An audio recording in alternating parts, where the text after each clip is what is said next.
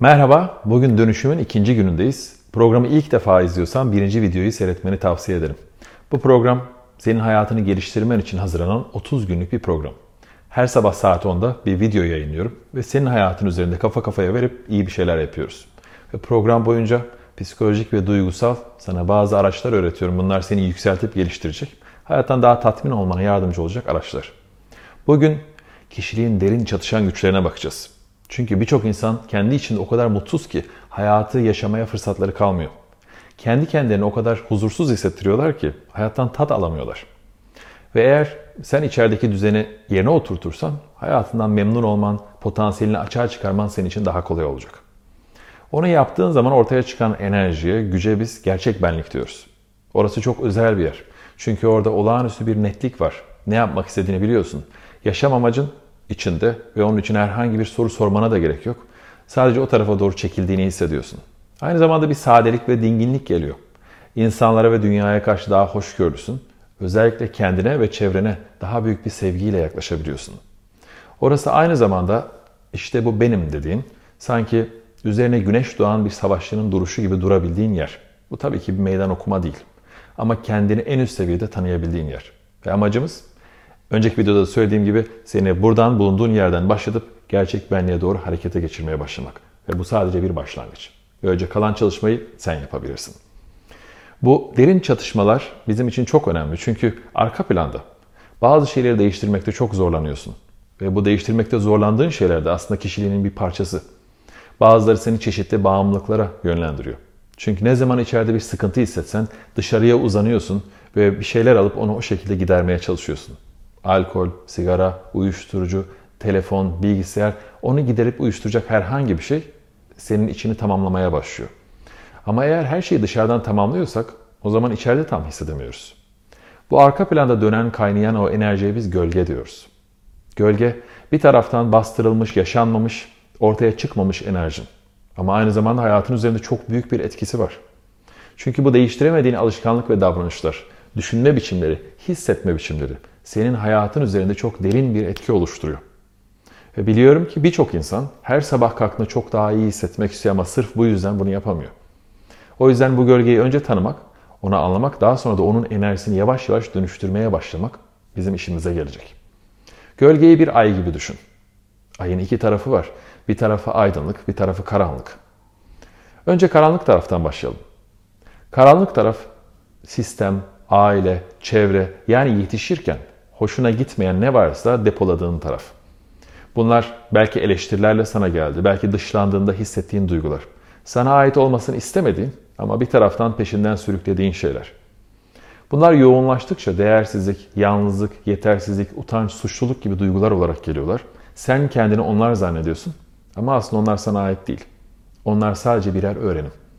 Ve bir şekilde onları yüzeye çıkardığın zaman ancak çözümlemek daha kolay oluyor. Bu karanlık taraftan bahsederken karanlığı kötü anlamında kullanmıyorum. Karanlık bilinmeyen demek. Henüz keşfedilmemiş. Yani gece çöktüğünde her şeyin gözden kaybolması gibi biz de o tarafa doğal bir körlük geliştiriyoruz. Ve kör olduğun o taraflar aslında sen farkında olmadan hayatını yönetiyor. Çünkü onları dışarıda yansıtıyorsun. Bu tarafa bakman için sana iki tane soru vereceğim. Ve lütfen bu sorularla ilgilenirken zaman geçir. Çünkü o karanlık tarafla ilgilendiğinde o enerjiyi yavaş yavaş oradan çekip başka bir yere yönetmeye başlayabiliriz. Sen o tarafı ne kadar iyi biliyorsan işimiz o kadar kolay olacak. Birincisi, diğer insanlarda en çok neyi veya neleri eleştiriyorum? Bu soruyu cevaplarken mutlaka ailenden başla. Özellikle anne baban, yetiştiğin ortamda sana yakın olan insanlar. Orada eleştirdiğin özellikleri yazdıkça göreceksin ki bu belki hoşlanmadığın hatta bazen nefret ettiğin özelliklerin büyük bir kısmı senin karakterinde de gelişmiş. Buna modelleme yoluyla öğrenme diyoruz biz.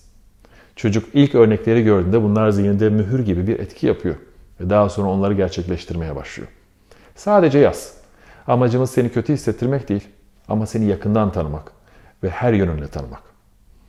İkincisi ne tür durumlara, daha doğrusu durum demeyelim, ne tür davranış, tutum ve ifadelere abartılı bir duygusal tepki veriyorum. Belki birisi eleştirdiğinde pençelerini çıkartıyorsun. Belki tam tersi. Bir gözden geçir özellikle topluluk içine girdiğinde, ilişkilerinde. Ne tür durumlara abartılı bir tepki veriyorsun? Bu bazen küsüp gitmek oluyor basit bir şey için. Bu da bir tepki. Bu abartılı tepkiler içeride duygularda bir dalgalanma olduğunu, orada bir şeylerin kaynadığını gösteriyor bize. Bu aynı zamanda o karanlık enerjiyi tanımamız için de güzel bir fırsat. Ham madde. Bir de diğer tarafa bakalım. Aydınlık tarafa. Aydınlık tarafın bir başka ismi altın gölge. Altın denmesinin sebebi o da yer altında, üstü toprakla örtülmüş ama çok değerli.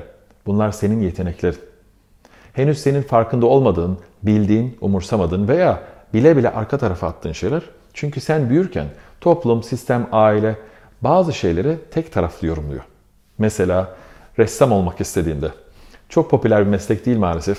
Çünkü insanların geleceği bir sınava ya da benzeri bir şeye dayandırıldığında insanlar o yeteneklerini arka tarafa atabiliyor. Herkes için geçerli değil. Ama bazen aile baskısı ya da çevre baskısı bu tarafı şekillendiriyor. O zaman o altın gölge arka planda bekliyor. Belki ölene kadar, belki bir yerde patlayıp yüzeye çıkana kadar. Ya da sen onu keşfedene kadar yani. Altın gölgeyi bence üç boyutta ele alabiliriz. Birincisi, bende olmayan ama diğer insanlarda gördüğüm, daha doğrusu bende henüz aktif olmayan ama diğer insanlarda gördüğüm ve bende de olmasını istediğim özellikler. Mesela diyelim ki akşam bir kulübe gidiyorsun ve sahnedeki gitarist müthiş bir solo yapıyor. Ve sen izlerken kendinden geçiyorsun. Adeta içini titretiyor. Aynı şey bir keman virtüözünü izlerken de olabilir. Ya da herhangi başka bir aktivite. Ve içinden bir taraf diyor ki "Ah, şu, şu enstrümanı öğrenmeyi çok istiyorum. Sanki onun sesinde beni çeken bir şeyler var. Ünlü müzisyen Eric Clapton küçük yaşlarda gitar çalmaya başlamış. Ve bu altın gölgenin nasıl meydana çıktığını anlatıyor. Diyor ki normal gitardan sonra, klasik gitardan sonra elektro gitarın sesini ilk duyduğumda içim titremeye başladı. Ve o an anladım ki ben bunun peşinden gideceğim. Birçoğumuz hayatta bunu hissediyoruz ama peşinden gitmek çok mantıklı olmadığı için kenara bırakıyoruz. Ve belki bazen haklıyız çünkü o zaman zamanı değil. Ama şimdi onları öğrenmeye başladıkça beslemeyi de öğrenebiliriz. Altın gölgeyi tanımaya yardımcı ikinci boyut.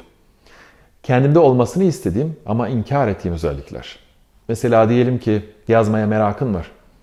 Ve bir şeyler yazıyorsun ve bir gece kafana esiyor bir arkadaşına gönderiyorsun. Sonraki gün sana bir yorum yapıyor. Diyor ki ya iyi iş çıkarmışsın, güzel yazı. Bence burada umut vaat eden bir şeyler var. Kim bilir belki ileride bir yazar olursun. Ve sen de diyorsun ki ya işte öyle denedim. Çok zamanım yok benim bu tür şeylere. Her inkar ettiğinde bu enerjiyi biraz daha kapatıyoruz. Çünkü davranışa dönüştürmüyoruz ona. Söz hayatın üzerinde güçlü bir etkiye sahip. Ve üçüncüsü eskiden sahip olduğun, şimdi sahip olmadığını düşündüğün ve belki içten içe tekrar istediğin özellikler. İşte diyelim ki erkeklerin arasında bir muhabbet dönüyor ve diyorlar ki ya bizim Mehmet vardı harika dans ederdi ve her dans ettiğinde bütün kadınlar çok etkilenirdi. Tabii erkekler böyle konuşmuyor genellikle ama uyduruyorum. Ve Mehmet de orada içten içe diyor ki ah keşke o güzel dans özelliklerim, tekrar o becerilerim olsaydı da bu vücudumda dans edebilseydim ya da neyse. Süper bir örnek değil ama bence anladın. Bu aydınlık tarafla ilgili sana bir soru vereceğim. O soruya yoğunlaştığında bence onunla birlikte daha derine inebilir, kazabilirsin. Başka katmanlara da birazcık bakabiliriz. Bu soru hayatımın hangi alanında veya alanlarında ışığımı saklıyorum? Işığın senin yeteneğin, yaşam enerjin, potansiyelin. Örneğin yıllar önce bu benim için bir kamera karşısında konuşup YouTube'da video çekmekti. Çünkü bu tür şeyleri anlatmak istiyordum. Paylaşmak, birilerine bir şeyler öğretmek ve en azından kendi fikrimi söylemek. Ve neyse ki tutmadım. Eminim senin de içinde bazı şeyler var. Bir şeyler yapmak, yaratmak, değiştirmek istiyorsun. İşin sonu nereye varacak bilmiyoruz. Sanırım bu yolculuğun heyecanı da burada. O yüzden işin sonu şimdi boş ver. Hayatımın hangi alanlarında ışığımı saklıyorum?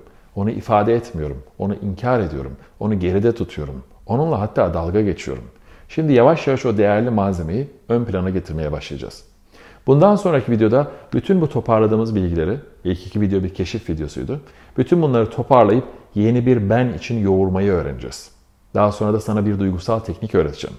Böylece küçükten büyük değişikliklere doğru yavaş yavaş ilerleyebiliriz. Eğer programa dahil olmasını istediğin arkadaşın varsa birinci videoyu paylaş. Henüz hiçbir şey için geç değil ve videoların hepsi burada duruyor. Eğer beğendiysen kanala abone ol. Ben bayıldım, delisiyim. Bir an önce videolar çıkınca göreyim istiyorsan o küçük çan işaretine tıkla. Video yayınlanır, yayınlan, yayınlanır, yayınlanmaz. Anladın sen onu. Bir sonraki videoda görüşmek üzere.